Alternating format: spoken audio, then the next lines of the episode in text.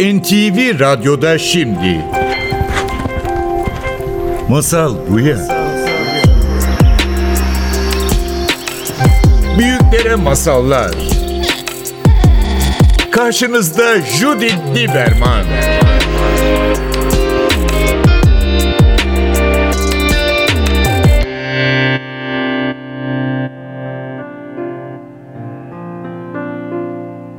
Masal Buya'ya hoş geldiniz. Bugün stüdyoda Taner Yılmaz'la birlikteyiz. Taner hoş geldin. Hoş bulduk merhaba. Taner burada bizim sohbetimiz psikiyatri, e, psikoterapist olarak birlikteyiz ve seninle birlikte masallar konuşmak istiyorum. Çünkü çok fazla yani yıllardır ben masal anlatıyorum ve ister ebeveyn olsun ister bazen öğretmen olsun insan çok kaygılı olabiliyor. Özellikle klasik masallar konusunda ve bazen bu soru geliyor. Acaba bu masallar gerçekten çocuklar için uygun mu? Yoksa onları travmatize edecek. Yani böyle bir korku var. Bu masallar bizim çocuklarımızı travmatize edecek mi? Sonuçta orada işte bazen çocuklar ormanda terk ediliyor. İşte anneler ölüyor. Üvey anneler sanki onlara çok kötü davranıyor. Gerçekten uygun mu? Yoksa çocuklarımıza bir travma edecek diye soruyorlar. O yüzden ben de seni uzman olarak e, o travma konusunda tabii ki bir psikiyatr olarak çok iyi biliyorsun. Yani Oradan başlayalım bizim sohbetimiz. Hı hı. Sence bu masallar çocuklar için uygun mu gerçekten? Ee, tabii kolay bir soru değil bir yanıyla ama şöyle bir tarafı olduğunu düşünebiliriz sanırım masallara bakınca. Ee, bir yandan tabii bazı güncel yayınlarla ilgili de bunlar tartışılıyor. Orada böyle çocukların yaşına uygun olmayacak işte ya da çok tasvip edilmeyecek şeyler var. Ama masallardan bahsederken başka bir korkudan da bahsediyoruz galiba insanların dile getirdiği. İşte gerçekten mesela bir çocuğun ormanda terk edildiği bir senaryoyu masal olarak anlatmak nasıl acaba gelir diye. Şimdi burada şöyle bir şey geliyor aklıma çocukların dünyasından bakınca hiç kötü bir şey olmuyor değil hayatta halbuki. Yani masallarda olduğu gibi hayatta da oluyor. Evet değil mi aslında hep bazen şey diyoruz yani masalların yüzünden çocuklar bir kabus görecek diye düşünüyoruz ama hayat da e, traumatize edebiliyor yani hayat evet. çocukları korkutabilir. Onların günlük hayatta yüzleştiği bir takım şeyler onları biraz ormanda terk edilmiş gibi hissettirebilir mi? Evet evet kesinlikle bir yandan sanki şöyle de düşünüyorum ben böyle biraz daha insan hani varoluşu, psikolojisi açısından bakınca da masalların öyle şekillenmesinin bir sebebi olsa gerek. Yani aslında masallara yansıyan belki de o içte çok derinde olan korkular olsa gerek. Yani bir çocuk için mesela ormanda terk edilmek, üvey anne, kötü üvey anne bunlar ne demek? Niye öyle masallar var? Başka türleri de var ama bunlar sanki bir şey yansıtıyor gibi. Bir de niye böyle masallar var ve niye bugüne kadar canlı canlı devam ettiler. Çünkü eğer uygun olmasa, eğer bir çocuk için önemli bir şey taşıyor olmasalardı o zaman çoktan unutulmuş olurlardı bu masallar. Yani sonuçta ne kadar çok şeyler unutan bir çağdayız ama Hansel ve Gretel ama Pamuk Prenses ama Uyan Güzeli hala güncel. Demek ki bir bir şey taşıyorlardır bir yani. Yakalıyor herhalde. Çocukları da insanları da. Çünkü bir yandan biz bu engellenmeleri aslında hayatımızın gelişim süreçlerinde yaşıyoruz. Yani ufak tefek şeyler bile bir çocuk için önemli figürler, önemli meseleler olabilir. Örneğin hep onu hani ilk anda koşarak gelip her e, işte ihtiyacına yanıt olmaya, deva olmaya çalışan annenin bir an gelememesi. Evet. Yani bu belki de bir çocuğun terk edilmiş gibi bir bebeğin diyelim ya da çok daha küçük yaşlarda terk edilmiş gibi hissetmesine sebep olabilir. Evet olabilir ama bir yandan da şöyle bir şey var. Hiç kötü bir şey yaşamadan insan büyüyemez zaten. Yani engellenmeden, bazı şeyler eksik kalmadan büyümek mümkün olmadığı için aslında işin doğasında da biraz böyle bir taraf var. Tabii ki biraz çocukların gözünden bakınca işte e, yemeğini bitir diyen anne işte onu mesela çok yasaklayan, çok kısıtlayan ya da işte yemek yoksa tatlı yok diyen anne onu aç bırakan anneymiş gibi yansıyabilir belki masal. Biraz bu üvey anneler gibi yani sonuçta her anne üvey anneleri niye sevmiyoruz? Çünkü ona iş yaptırıyorlar. Onlar haydi git ormanda odun getir ormanda veya çilek getir ormandan diye böyle zor böyle e, görevler veriyorlar. Bir de yemeği karışıyorlar. Yani bunu yemesin, bundan daha fazla yemesin ama hepimiz biliyoruz ki yani çocuğunu yani sağlıklı bir ebeveyn bu üç şeyler yapacak. Yani çocuğuna görevler verecek, ev içinde işler verecek, ev işi olacak. Yani belki diz üstünde Arap sabunla yerler silmek olmayabilir ama sofrayı kurmak olabilir, e, bulaşık makinesini Ödevlerini yapmak olabilir. Ödevleri yapmak gibi korkunç davranışlarda bulunuyor bütün ebeveynler. Haydi çık e, ormanda odun kır demiyoruz ama diyoruz ki haydi çık okula git ya da diyoruz ki artık e, işte önce ispanaklar bitireceksin ki bu da tabii ki çocuklar için çok büyük bir şiddet gibi algılanabilir ama gerekli bir şiddet olduğunu söyleyebiliriz. Yani aslında en çok şey gibi değil mi? Artık bebek değilsin. Evet. Yani çok basit ve net biçimde böyle bir şey. Bunu ebeveynler kullanıyor da kullanmalarında bir sebebi var. Çünkü artık bebek değil. Aslında orada sanki şöyle oluyor. Ebeveynler hayatın gereklerinin elçisi oluyorlar. Yani bir insan erişkin olmak istiyorsa, büyümek istiyorsa o zaman bunlarla karşılaşacak ki bebeklikten sonra da çocukluktan çıksın. Çok sevdim bu cümleyi yani hayatın gerçeklerinin elçisi olmak yani gerçekten ve bazen bu elçi çok kötü haberler getiriyor yani. Evet. bundan sonra ödev olacak. Bundan sonra işte ben temizlemeyeceğim sen temizleyeceksin. Hep oyun odanı. oynayamazsın. ya Evet ve o zaman anne üvey anne oluyor aslında. Hmm. Bu masallar bu karakter. O yüzden bu masallar biraz böyle bir hayatın uçuş simülatör olduğunu düşünebiliriz belki. Yani yaşamadan önce seni hazırlıyorum, bir zemin hazırlıyorum. Böyle şeylerle yüzleşeceksin. Evet bazen şöyle de düşünülebilir. Yani tabii ki böyle çok ekstrem örneklerini bir kenara bırakarak konuşuyoruz. Klasik masallardan bahsediyoruz. Çünkü çok uygunsuz olan çeşitli hikayeler hani bazı Tabii. şeyler var. Onlardan bahsetmiyoruz. Onu bir parantez olarak koyalım. Ee, yani şöyle şeyler olduğunu da düşünebiliriz. Çocuğun aslında bebeğin çocuğun hissettiği ama adını koyamadığı şeylerin korkular, kaygılar, huzursuzlukların bir hikayesini de koyuyor ortaya masallar. Evet. O yüzden de benimseniyor. O yüzden hayatta kalabiliyor. Yani yaşayabiliyorlar. jenerasyonlar boyunca, kuşaklar boyunca aktarılıyorlar. Ve o yüzden de bir duyguya denk geldikleri için bu kadar kuvvetli olsalar gerek. Ben O yüzden çocuk diyor ki tekrar tekrar hep aynı masal istiyor her gece. Çünkü burada aslında belki bir travma çözmeye yardım ediyor bu masal. Travma yaratmıyor. Yani yaşadığı ve zorlandığı bir görev veya bir e, zorlukla birlikte her akşam bu belki Hansel ve Gretel veya Pamuk Prenses tekrar tekrar tekrar dinleyerek çocuk içinde düğümlenmiş bir şey açmaya çalışıyor olabilir mi? Evet evet çünkü hikayeleştirmeden bahsediyoruz. Yani orada bir masal varsa masal anlatan bir ebeveyn var demek. Yani eşlik eden birinden bahsediyoruz.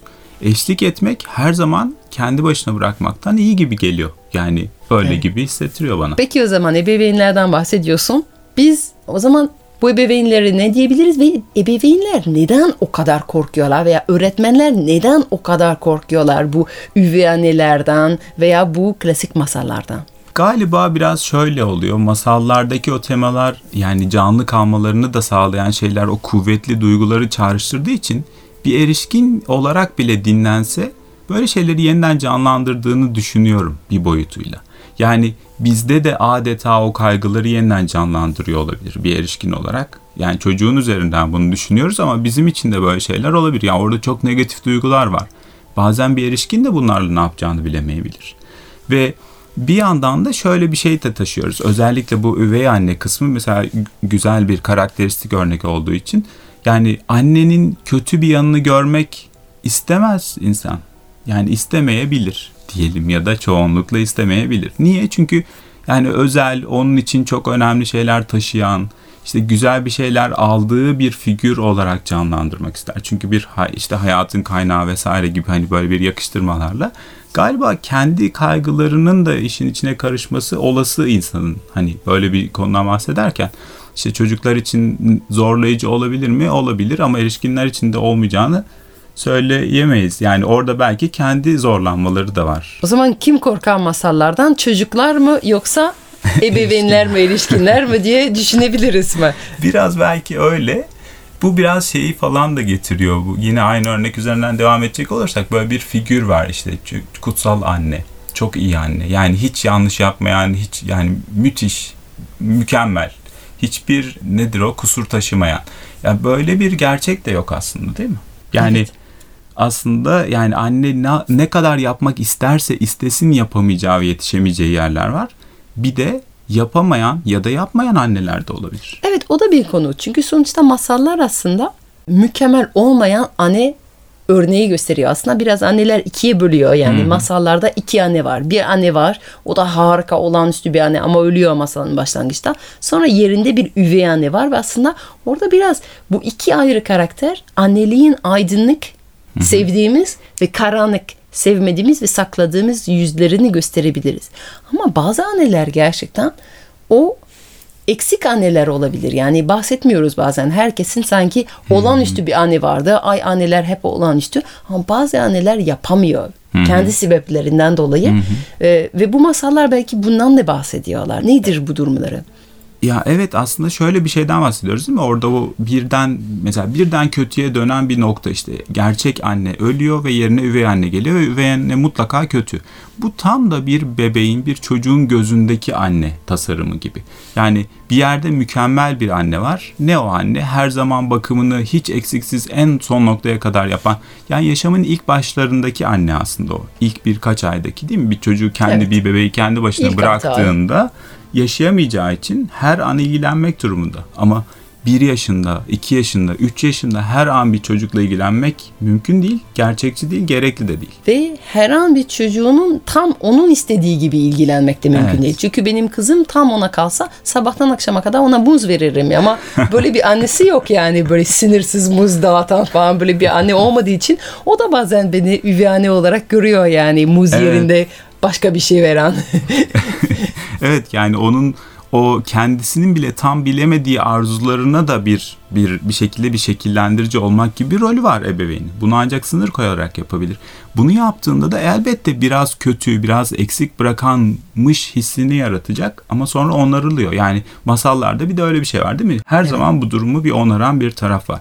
Yani bir, Masallar iyi biter. Bu gerçekten onların aslında şifalı yönü yani. Bir sorun olabilir masal içinde hayatta olduğu Hayatta gibi. gibi. Ama masal hep bu sorunun üstünden geçmekten. O macera bu zaten yani. Karşılaşırsın sorunlarla, kaybolursun ama yolunu bulursun. Hı hı. Bu bebeğin çocuğun gözündeki bu hani eksik bırakan ebeveyn, bakım veren ya da anne onlara bakınca bunu erişkinlikten bakınca nasıl görüyor olabiliriz diye düşünüyorum. Az önce senin söylediğin üzerine. Yani şöyle olabilir. O his hala çok canlıysa yani insanlar için mesela bu konuyu düşünmek daha da zor olabilir. Anne ne kadar iyiydi? Yani sonuçta anne de diğer insanlar gibi bir insan. Yani eksikleri olan bir insan. Bu çok önemli. Bir yandan böyle bir şey. Yani mükemmel ve kutsal bir görev çok büyük bir yük aslında. Yani kendi insanın kendi annesine, kendi ebeveynine yakıştırması için de çok büyük. Kendisini üstlenmesi için de çok büyük bir şey zor zor bir e, sıfat gibi. Böyle olunca da herhalde insanlar o duyguyla da biraz bunu yaşıyorlar. Çünkü bunun içinde şöyle bir şey ortaya çıkıyor. Hiç hani o e, bir şekilde yapamayan ya da yapmayan anne yokmuş gibi de oluyor. Evet. Yani halbuki gerçekte öyle olmayan insanların hikayesi de var. Onlar da belki duyulmaya değer. Yani aynı ben örneğin Pamuk Prenses'in üvey annesine baktığım zaman işte sürekli aynaya bakıyor ve diyor ki ayna ayna söyle bana benden güzel var mı bu dünyada? Böyle hep böyle en olmak ve sadece kendini görüyor. Bu kendisi ve bu ayna ve kendisinden güzel olan herkes Pamuk Prensesi gibi yok etmeye çalışan biraz aslında böyle sağlıksız bir kişiliği görüyorum. Belki de narsistik diyebilir miyiz? Yani hocam bu böyle bir tanı verebilir miyiz üvey anneye? Yani belki orada bir nöroz olabilir ya da burada bir dengesizlik olabilir mi? Ya bu bu tarifteki karakterde örneğin yani kendisine çok hayran, herkesin de ona hayran olmasını bekleyen, bu konuda küçük bir çocukla bile yarışmaya giren bir karakter görüyoruz değil mi? Aslında Sağlıklı ondan değil. Evet, ondan güzel olmasıyla ilgili kendi yani çocuğun da kendisini seçmediği bir hikayeyle ilgili bir yarışmaya giriyor. Elbette bir şeyler var, bir şey söylüyor yani bunu.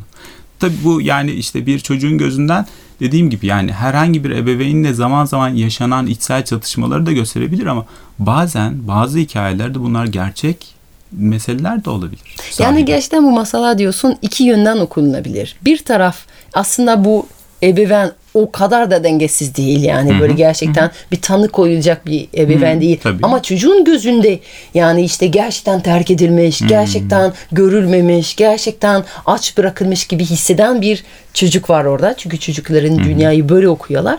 Bir de başka bir şey belki bu çocuğun gözünde değil belki gerçekten sonuçta narsistik anneler var. Ee, gerçekten depresyonda anneler var. Eksik e, veya mükemmel olmayan birçok anneler var.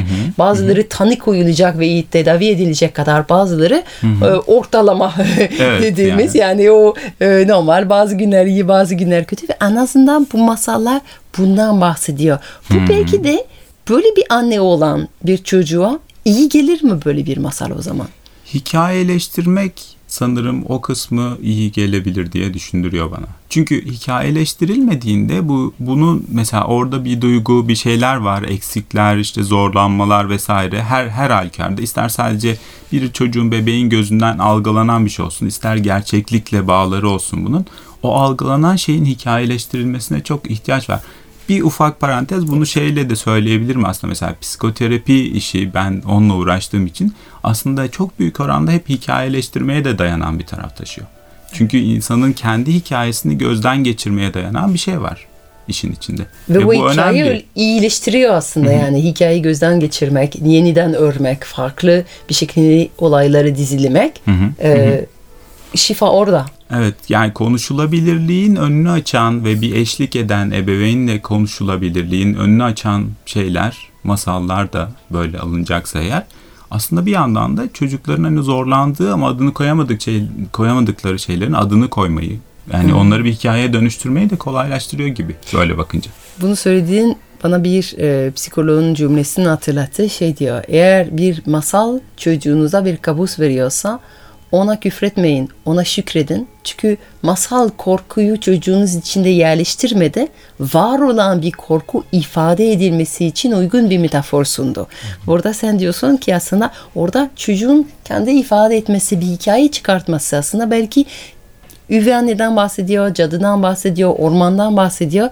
Ama bu kelimelerin arkasında kendi içinde çözemediği olan bir his dili getiriyor aslında ve oradan belki iyileşmek için veya düzeltmek için bir düğüm açmak için yetiyor olabilir belki de. Yani evet çünkü şöyle düşünebiliriz o korkuların erişkinken de yaşadığımız korkuların en büyük kaynağı aslında iç dünyamız.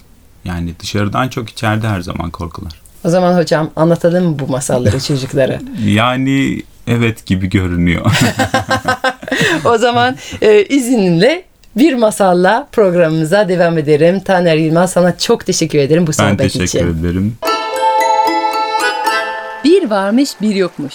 Gürül gürül akan şelalenin kenarında bir çakıl taşı yaşarmış.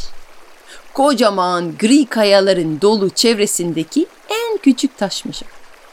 Sabahtan akşama kadar büyük kayaların hikayelerini dinlermiş. Kayaların hepsi buraya çok uzaklardan gelmiş. Onların gölgesini yaşayan küçük çakıl taşı ara sırada sorarmış. Peki sizce biz hala gezebilir miyiz? Ben dünyayı çok merak ediyorum da. Kayalar bu lafa çok gülermiş. Biz taşlar yukarılardan düşer, aşağılarda kalırız. İnan gidilecek başka bir yer olsa biz onu çoktan keşfederdik. Olduğun yerde kal. Uzaklaşırsan kaybolursun. Dünya tehlikelerle dolu.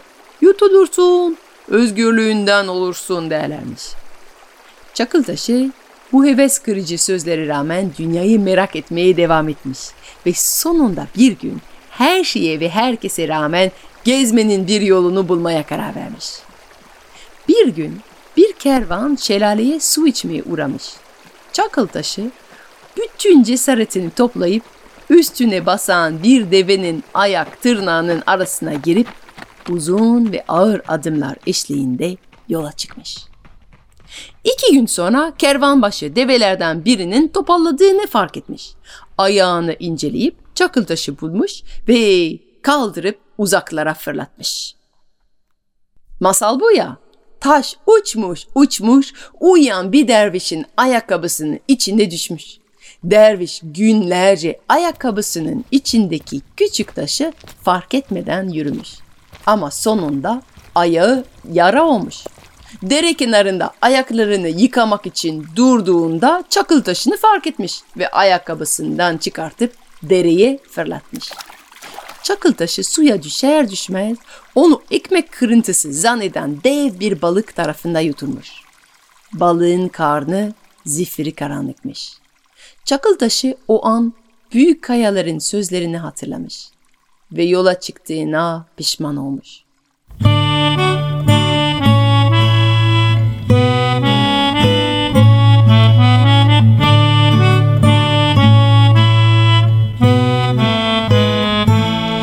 Birkaç gün sonra balık bir ağa takılmış ve bizim çakıl taşı uyandığında kendini bir mutfakta bulmuş.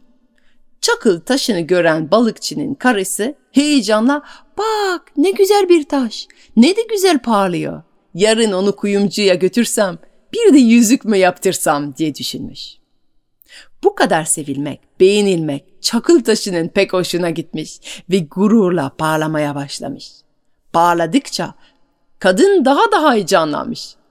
Pazar günü kocası balık satarken kadın tülbentinin kenarına sardığı taşı kuyumcuya götürmüş.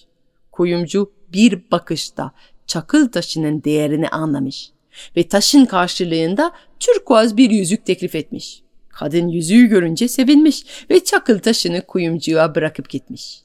Kuyumcu hemen işe koyulmuş ve bizim çakıl taşının kırmızı altından bir yüzüğe yerleştirmiş. Aman aman işte kayalar haklı çıkmış. Çakıl taşı resmen tutuklanmış. Yüzük onu adeta bir kelepçe gibi bağlı tutuyormuş. Artık maceranın bittiğinin altından bir kafese konduğunu düşünmüş.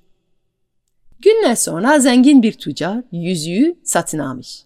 Bir süre takip gösteriş yaptıktan sonra kaldırıp karanlık bir kutuya koymuş ve yüzük öylece orada unutulmuş. Ta ki bir gece hırsızın biri kutuyu çalana kadar hırsız onu yüzükten kopartıp altını ayrı, taşı ayrı satmaya karar vermiş ve çakıl taşını yeleğinin cebine koymuş. Bir hafta sonra hırsızın karısı tozlu yeleği alıp pencereden silkmiş ve taş böylece sokağa o sırada oradan nohut satan birinin çuvalının içinde düşmüş. Az sonra da nohutlarla beraber bir kese kağıdında zengin birinin evinde doğru yola çıkmış. O da nohutlarla birlikte akşam suda bekletilmiş, sabah pişirilmiş, öğlen servis edilmiş ve evinin efendisinin ağzına girer girmez yere tükürülmüş. Efendi yemeğinden taş çıkan aşçıya sinirlenirken çakıl taşı odanın bir köşesine yuvarlanmış. Sabah hizmetçi onu evinin tozuyla birlikte bahçeye süpürmüş. Çakıl taşı toprağa düşer düşmez rahatlamış. Güneşte de hissinin keyiften böyle bir parlamış. Böyle bir parlamış ki bahçıvanın dikkatini çekmiş. Bahçıvan onu eline alıp seyretmiş. Çok beğenmiş ve kendi kendine mırıldanarak ''Dur küçük taş, ben tam sana göre bir yer bulacağım.'' diyerek bahçede yürümeye başlamış. Çakıl taşı etrafındaki güzelliklerini görünce gözlerine inanamamış. Uzun yolculuğunda hiç bu kadar güzel çiçekler, ağaçlar, otlar görmemiş. Bahçıvan doğaya öyle aşıkmış ki baktığı bahçe adeta şarkı söylüyormuş. Bu güzel bahçenin tam kalbinde çeşmeden şırıl şırıl sular akarmış. Etrafında arılar çiçekten çiçeği gezer, kurnasında rengarenk balıklar yüzermiş. Bahçıvan bizim çakıl taşının çeşmenin en güzel yerine yerleştirmiş. Taşı orada koyar koymaz güneş ışınları üstünde gezinmeyi başlamış. Kendini böylesini güzel bir cennette bulan çakıl taşı mutluluktan etrafına rengarenk ışıklar saçarak parıldamış. İşte demiş bahçıvan mutlulukla. İşte burası tam sana göre. Bunca yol buraya gelmek içindi muhakkak. Kolay olmadı ama her macera onu bu bahçeye bir adım daha yaklaştırdı.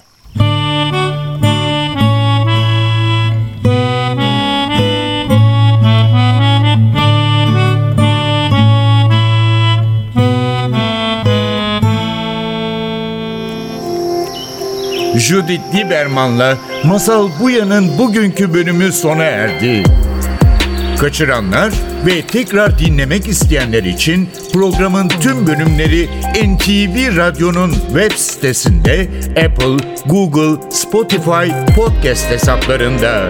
İstediğiniz zaman ulaşabilir, istediğiniz yerde dinleyebilirsiniz.